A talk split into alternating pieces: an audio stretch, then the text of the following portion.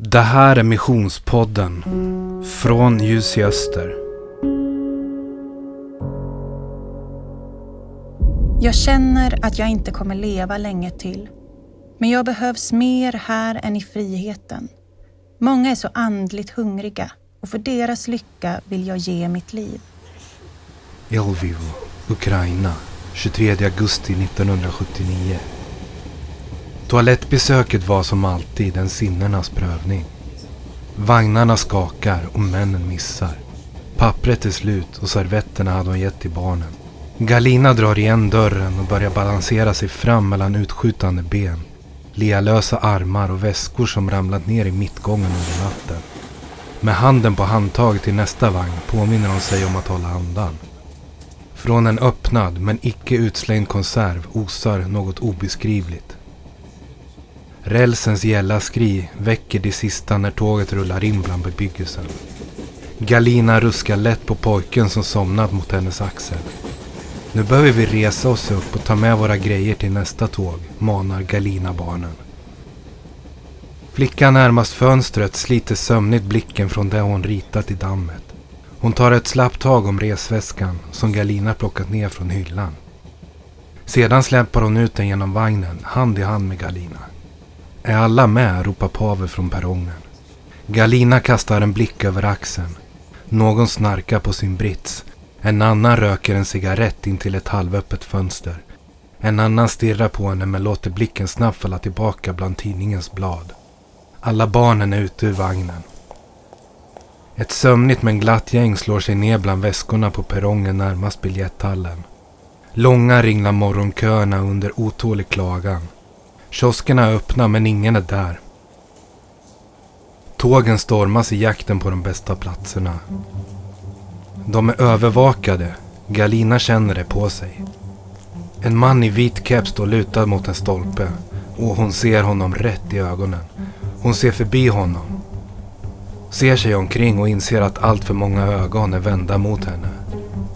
Dränkt av bruset når hennes rop inte fram. Hon ställer sig på tå för att låta rösten nå över ungdomarna. Pavel, försöker hon. Men det är för sent. Skratten stryps när den första ungdomen ser de bruna hattarna närma sig.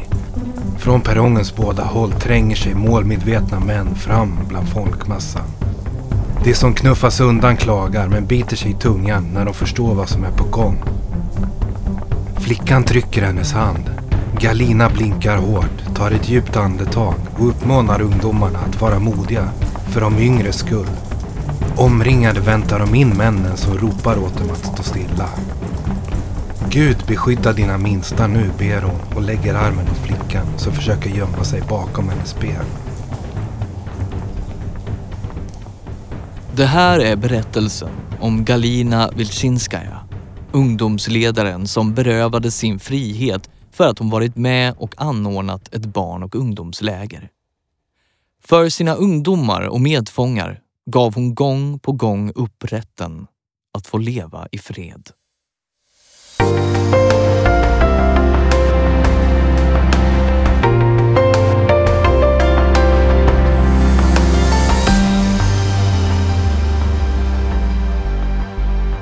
År 1979 var Galina 24 år.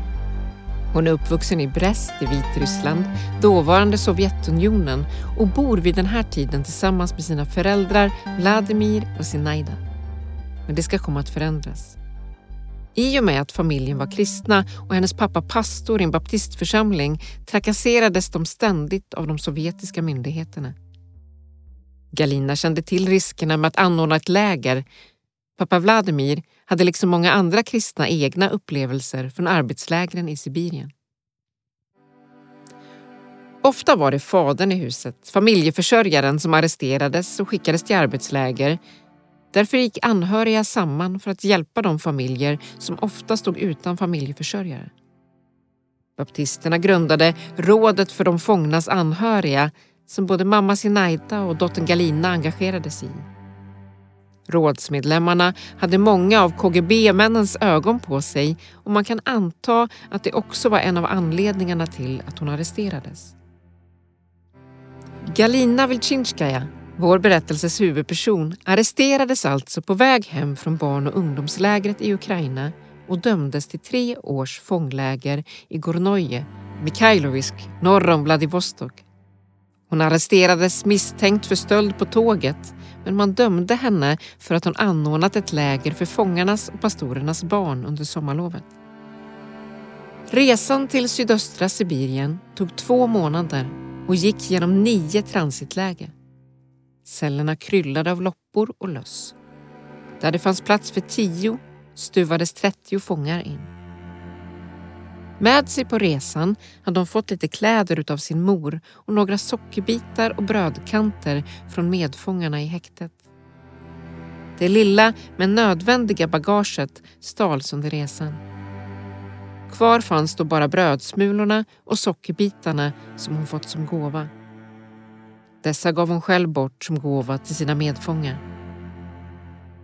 Efter den nio timmar långa arbetsdagen i lägret utanför Vladivostok värkte ryggen och magarna fortsatte att kurra en bra stund efter att lampan släckts. Den vattniga gröten och den stenhårda brödbiten gjorde magen svår att sova på. Lössen trivdes bra i fångarnas otvättade tröjor. Armar och ben var fulla av bett på morgonen. Vatten hämtades utanför lägret och fångarna ransonerades därför bara ett handfat vatten per vecka för sin personliga hygien och tvätt. Anhöriga kunde skicka vissa förnödenheter men vitamintillskott var strängt förbjudet. Därför var skörbjugg, alltså allvarligt underskott av C-vitamin, vanligt i lägren. På bara något år hade 24-åringen därför tappat sju av sina tänder och allt sitt hår. Man kan ju fråga sig om Vladimir och Zinaida ens kände igen sin dotter när de besökte henne i fånglägret. Det vi vet är att pappa Vladimir blev förskräckt när han såg det läger hon befann sig i, skriver Ljus i öster i ett nummer från 80-talet. Barackerna påminner om övergivna förfallna ladugårdar. Vintertid kryper temperaturen ner till minus 40-strecket. Fångarna tar på sig allt de kan hitta men fryser ändå. De flesta av fångarnas kläder ruttnar då de aldrig får torka ordentligt, berättar Vladimir.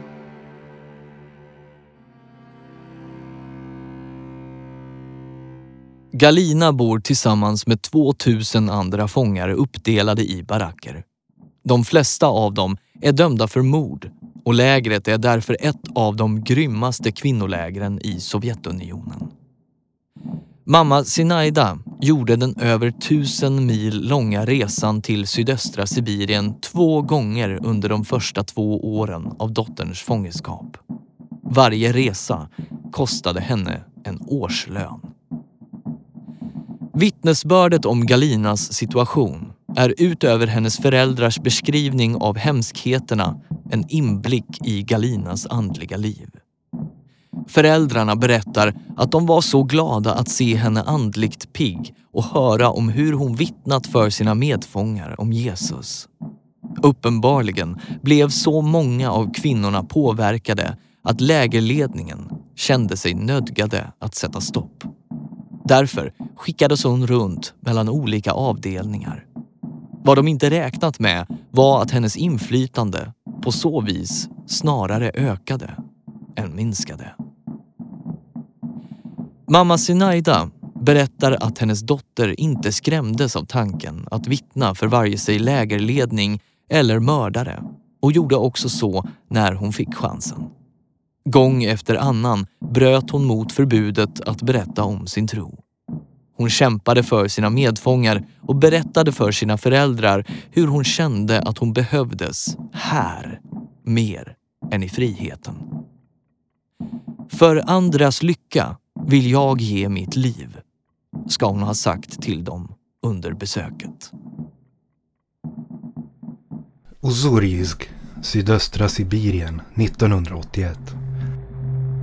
Hon skulle ha delat vad hon kunde med de andra. Men kartongen var redan sprättad och innehållet hade den eller de roffat åt sig. Det gula solkiga brevet i botten av lådan är rivet mitt i tu. Handstilen känner hon igen och saknaden verkar. Meningarna som hennes föräldrar vävt samman flyter ihop när tårarna börjar trilla. De hade gett allt för att skicka henne detta paket. När hon läser om hur rådet samlat ihop för att ge henne nya stövlar känner hon tacksamhet. Men vid anblicken av de söndertrasade gamla stövlarna intill hennes säng svartnar det för ögonen. Samma kväll ser Galina sina nya kängor under ett av borden. Hon stirrar på tjuven, ser henne i ögonen, men hon verkar helt oberörd. Galina rör inte en min, men tänderna gnisslar. Morgonen gryr och arbetet väntar. Galina drar täcket åt sig. Isande vindar blåser in genom springorna mellan brädorna. Tårarna har gjort kudden fuktig och kall. När hon samlat sig kastar hon benen över sängkanten. Stövlarna är iskalla. Yxan viner genom luften och flisorna yr runt Galina. Hon slår hårt. Aggressionen rusar genom yxan. Genom grenverket ser hon kvinnan med stövlarna. Galina går in i lunchkön som ringlar mellan stammarna. Alldeles bakom henne ställer sig kvinnan med de nya stövlarna. Nu eller aldrig tänker Galina som sedan länge bestämt sig för att konfrontera orättfärdigheten. Hon behöver bara visa upp brevet för att alla ska förstå att kvinnan stulit stövlarna. Kvinnorna omringar tjuven och sparkar ner henne i gyttjan. Argsinta dömda mördare sliter av henne stövlarna och börjar sparka. Galina ser på över axlarna på de andra. På något sätt känns det rätt. Men när kvinnans ögonlock faller ihop så klyvs känslan av en annan, mycket skarpare känsla. Galina knuffar någon åt sidan och kastar sig framför den unga kvinnan. Jag förlåter henne, jag förlåter allt. Sparkarna blir färre men hårdare. De tränger in i magen, Galina får ingen luft och till slut svartnar det helt för ögonen.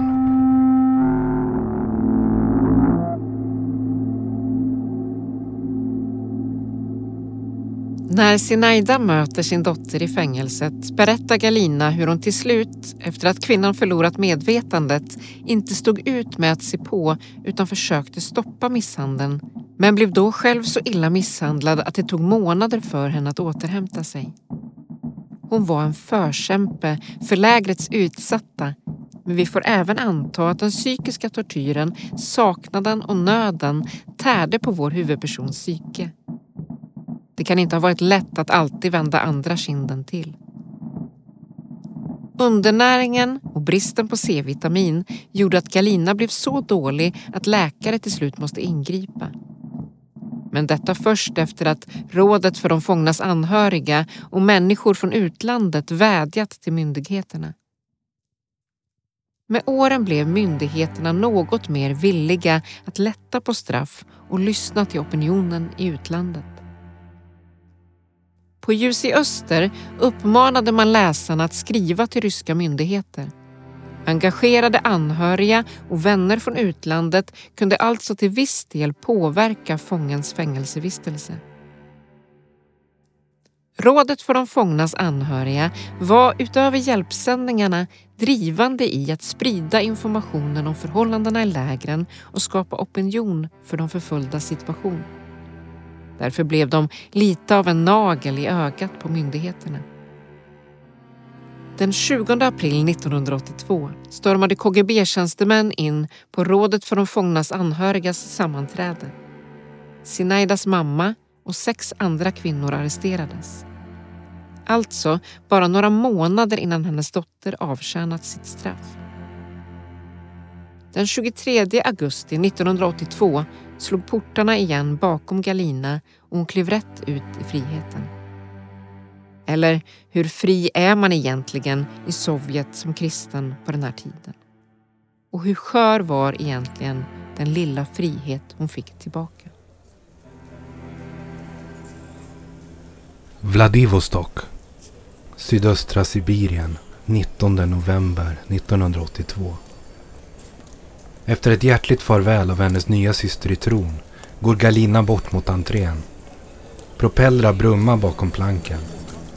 Ovanför ankomsthallens höga glasfasad sjunker en stor flygplanskropp sakta ned genom nattens mörker. I hallen står trötta resenärer som väntar och milismän som spanar. Galina går fram till kön och ställer ner ena väskan framför fötterna. Inte helt oväntat stryker vakter och tjänstemän omkring likt snokande hundar bland resenärerna. De håller uppsikt över henne men hon har inget förbjudet med sig och har därför ingen anledning att oroa sig.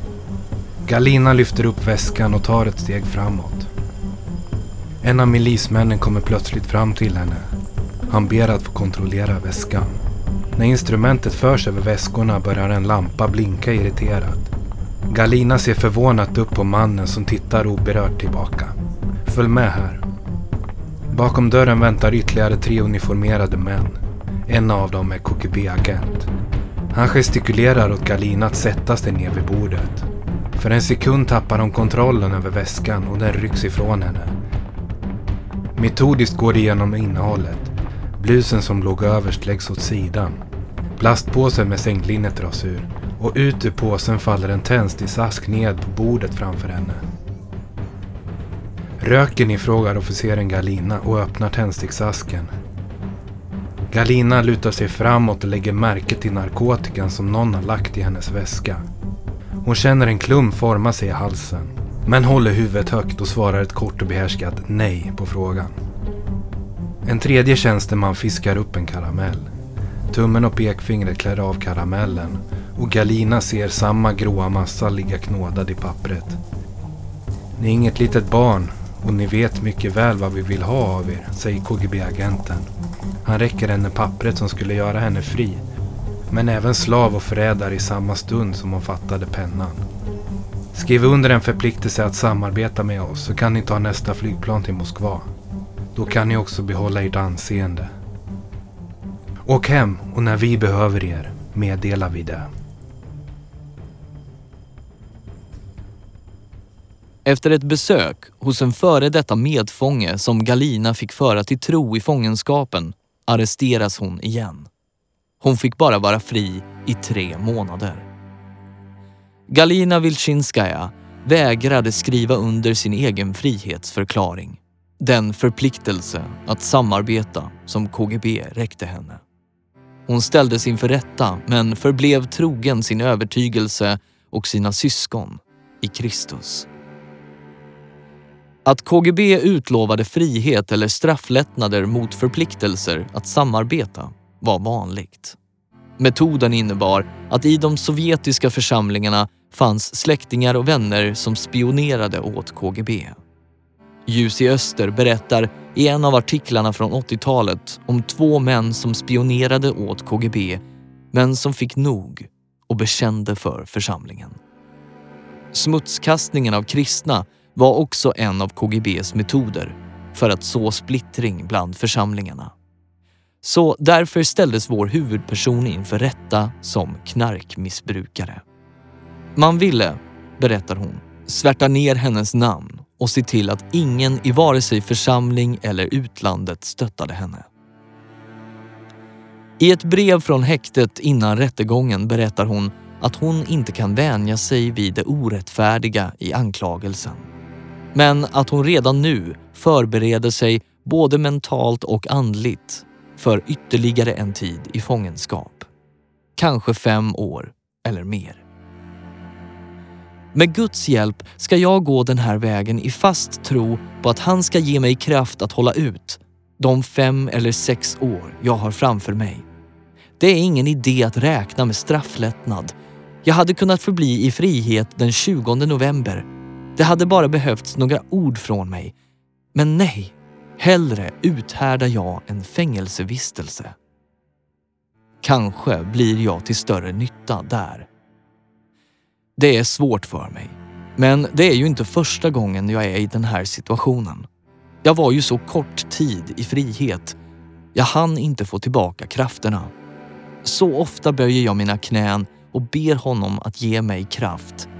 Allt kan man utstå, bara han går med oss. Nu vill jag bara till min himmelske fader. Kanske borde jag inte säga så. Men jag skulle bli glad om jag snart får gå till honom. Förlåt mig. Brevet blir inte så lyckat. Tårar skymmer för mina ögon. Tidigare var jag starkare. Det viktigaste är dock att ingen ser mina tårar. Även om det är svårt att hålla sig nu. Nyåret 1982 och 1983 spenderade Galina i häktet i Vladivostok, tusen mil hemifrån. Några vänner hade gett henne en bit korv som hon delade med sina cellkamrater. Fångarna lyssnade uppmärksamt på hennes vittnesbörd, berättar hon. I början fnittrade de när Galina böjde knäna för att be.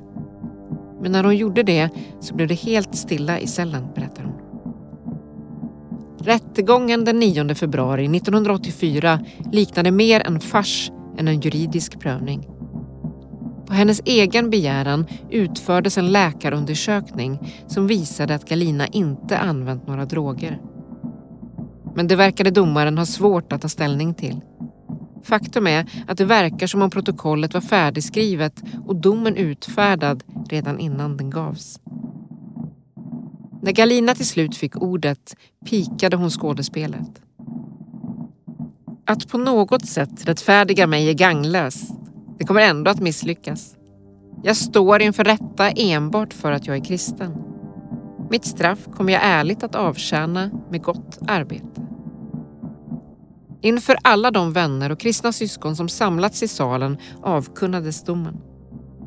Galina Velchinskaja, 27 år, dömdes till ytterligare två års arbetsläger. I rättssalen tillät hon sig inte fälla en enda tår utan log åt både domare och vänner. På vägen ut ur domstolen skyndade mamma Zenaida fram med en bukett nejlikor. De här får du Galina, för din trohet mot Herren och för att du inte gått förräderiets väg, ska hon ha sagt. Redan första månaden i lägret besökte Sinaida sin dotter igen och får då höra om hur en av medfångarna redan kommit till tro. För sin missionsgärning i lägret hotades Galina med förlängda straff. Minst tre varningar fick hon och två gånger låstes hon in i isoleringscell. Men vår huvudperson fortsatte att frimodigt vittna om Jesus. Viss om att KGB hela tiden letade efter nya anklagelser mot henne. Efter avtjänat straff släpps hon fri. Men efter två år är hon illa medtagen. Sitt eget väl och sin egen frihet värderade hon dock aldrig högre än sina medfångars eviga väl. Den 20 oktober 1985, ett år efter att Galina frigetts för andra gången, samlades släkt och vänner i ett tält utanför staden Novokuznetsk. Där sa hon ja till sin Ivan och bröllopet blev mycket lyckat. Men festligheterna övervakades givetvis av myndigheterna. Berättelsen om Galina Vilchinskaja är en berättelse om en ung kvinna som hellre lät sitt liv och sin ljusa framtid trasas sönder för möjligheten att mätta hungriga själar. Hon betalade hellre med sin frihet än lät människor gå förlorade i de sovjetiska arbetslägren. Galina förstod att Gud var mäktig nog att genom henne förmedla budskapet även i hennes mörkaste stunder. Och genom hennes får vi känna lite av det som många kristna upplevt och än idag upplever.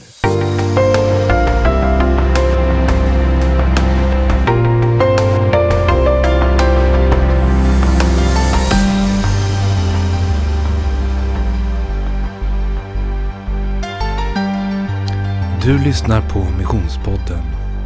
Vi fortsätter nu med ett samtal mellan Magnus Lindeman direktor på Ljus i Öster och Marcus Furingsten, fältansvarig på Ljus i Öster. Galina alltså, vilken tjej. Mm. Otroligt vilken, vilken kvinna alltså. Våga, våga göra det här som hon gör. Mm. Ja, jag tänker ibland så kallar vi människor som är Kristuslika för kristinnor om det handlar om en kvinna då. Jag tänker att Galina, vilken kristinna att våga ta de här besluten, att våga trotsa makten som hon möter mm. och gå sin egen väg trots kostnaden mm. och medveten om kostnaden. Ja, och det finns ju en sån styrka också i hennes liv just detta med att när myndigheterna på ett sätt bereder en enkel väg ut för henne. Men hon väljer att stå rak. Hon väljer att hålla sig till sanningen och, och hålla fast vid det som hon upplever är rätt. Mm. Eh, och det är ju oerhört. Ja, en stark, stark moral. Mm. Verkligen. Men det här är ju, vi pratar ju 80-tal här, 1980-talet och idag 2021 så är det väl tyvärr så att vi kan inte säga att det är mindre förföljelse utöver världen eh, idag än det var då. Nej, det kan vi tyvärr inte säga utan det, det flyttar ju runt lite grann.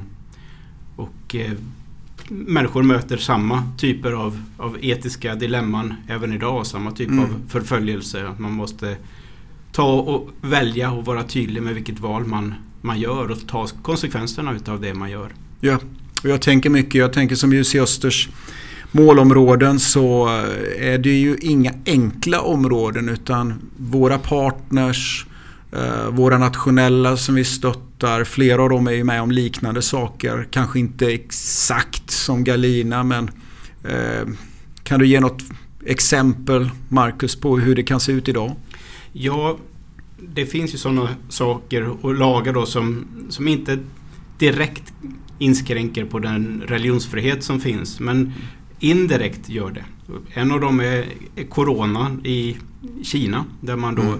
Väljer att eh, styra människors rörelse med, med hjälp av Corona-appar mm. som begränsar människors rörelsefrihet och där vi har fått rapporter ifrån människor som tillhör huskyrkan bland annat om att de blir begränsade mm. i rörelsefrihet. Att de är klassade som att de har Corona fast de inte har det.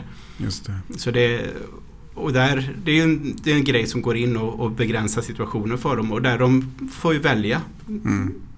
Vill de ta den här vägen och gå i Jesu efterföljd, ja men då kan det bli tuffa restriktioner och annars så kan de klara sig ganska bra om de följer den där paradigmet och den, den grunden som finns i samhället i övrigt. Mm.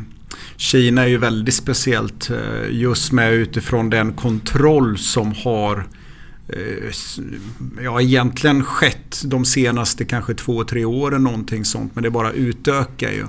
Och jag vet ju, vi var ju på en resa 2019 i september när vi sitter ner med några av våra nationella som vi stöttar och hur de berättar hur ett par månader tidigare i juni 2019 så kommer polisen in i deras husförsamling. Eller deras, det var ju egentligen ingen husförsamling som vi tänker utan en oregistrerad församling i en lokal. Eh, och så tar de pastorn, drar in honom i ett annat rum och sen så ska de ju ha allas ID-kort. Eh, och det är ju ingen som vill ge det där ID-kortet men vad säger de då till dem?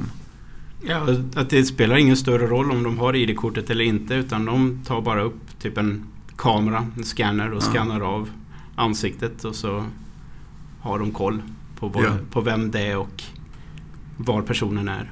Ja. Och vi, vi vet ju också i Kina att eh, idag de, de högsta ledarna i Kina de väljer ju att inte ha mobiltelefoner. Alltså de högsta ledarna i, i husförsamlingsrörelsen ska man ju tillägga. Mm. De väljer att inte ha några mobiltelefoner. De reser inte flyg, de reser inte bussar, de reser ingen lokaltrafik just därför att de inte vill bli kollade eh, genom de här kamerorna som finns då runt omkring i Kina. Mm. Eh, men det är ju inte bara Kina utan det, det, finns ju andra områden som är tuffa. Ja, absolut.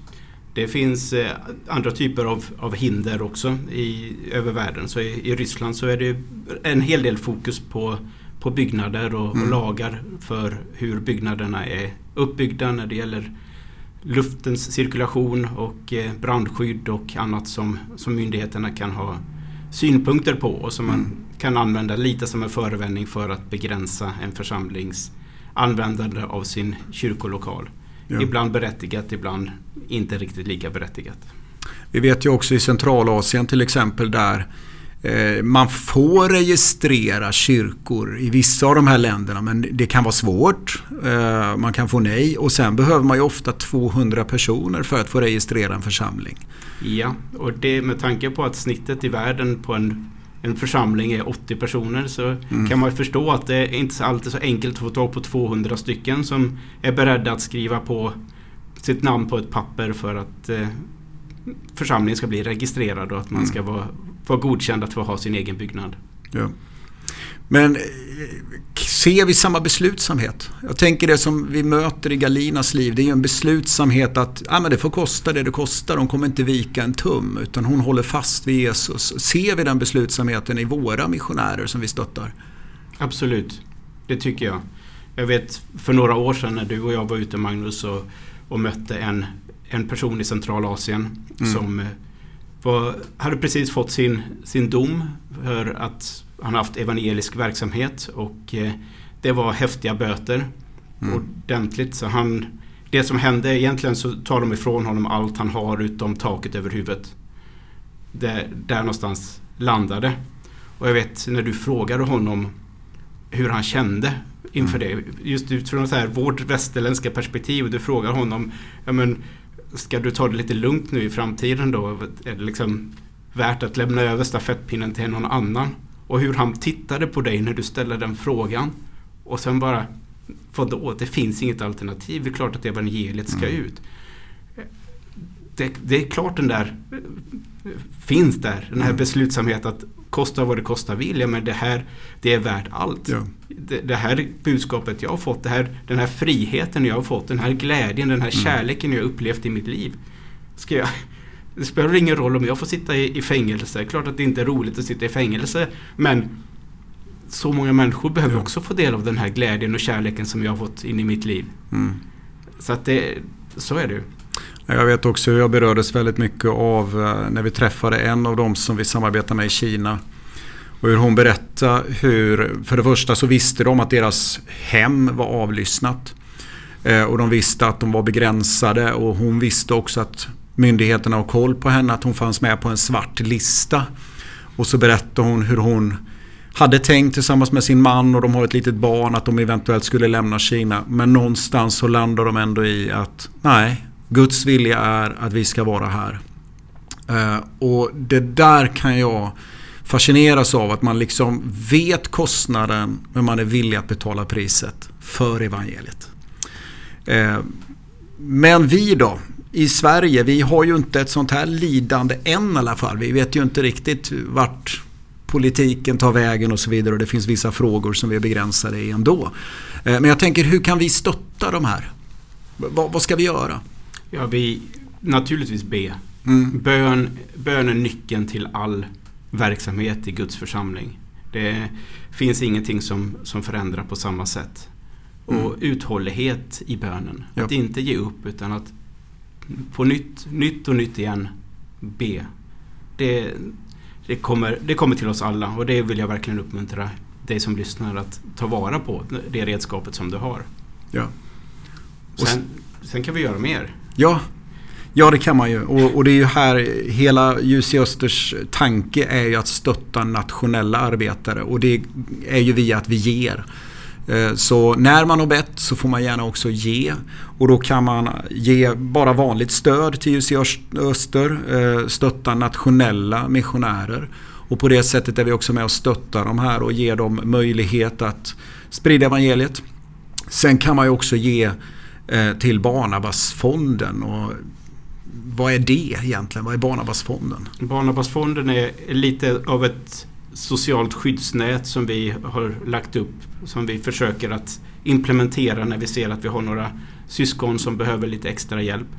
Och I den så är det då dels eh, en del pengar kan gå till, till advokathjälp, mm. en del kan gå till hjälpmedel. Vi har understöd av vissa som som vi kallar levande martyrer. Människor som har fått lida så pass mycket av, av tortyr i fängelse och sådär att de inte kan gå ut och jobba ett vanligt liv efteråt. Då kan de behöva få stöd för att eh, klara, klara livet på ett vettigt sätt eftersom de sällan får, får arbete eller möjlighet till inkomst. Så eh, Barnabasfonden har de elementen och några till eh, med sig. Så är det så att du vill vara med och ge så kan du ge antingen via Swish eller Bankgiro och det är samma eh, nummer. Det är 936 25 900 3625. Och så kan du antingen märka då Barnabasfonden om du vill ge till det här speciella skyddsnätet som vi har. Alternativt så kan du eh, märka med nationella hjältar om du vill då ge till alla dessa nationella missionärer som vi är med och stöttar. Eh, tack för att du har velat lyssna den här gången. Du har fått lyssna till Missionspodden från Ljus i Öster.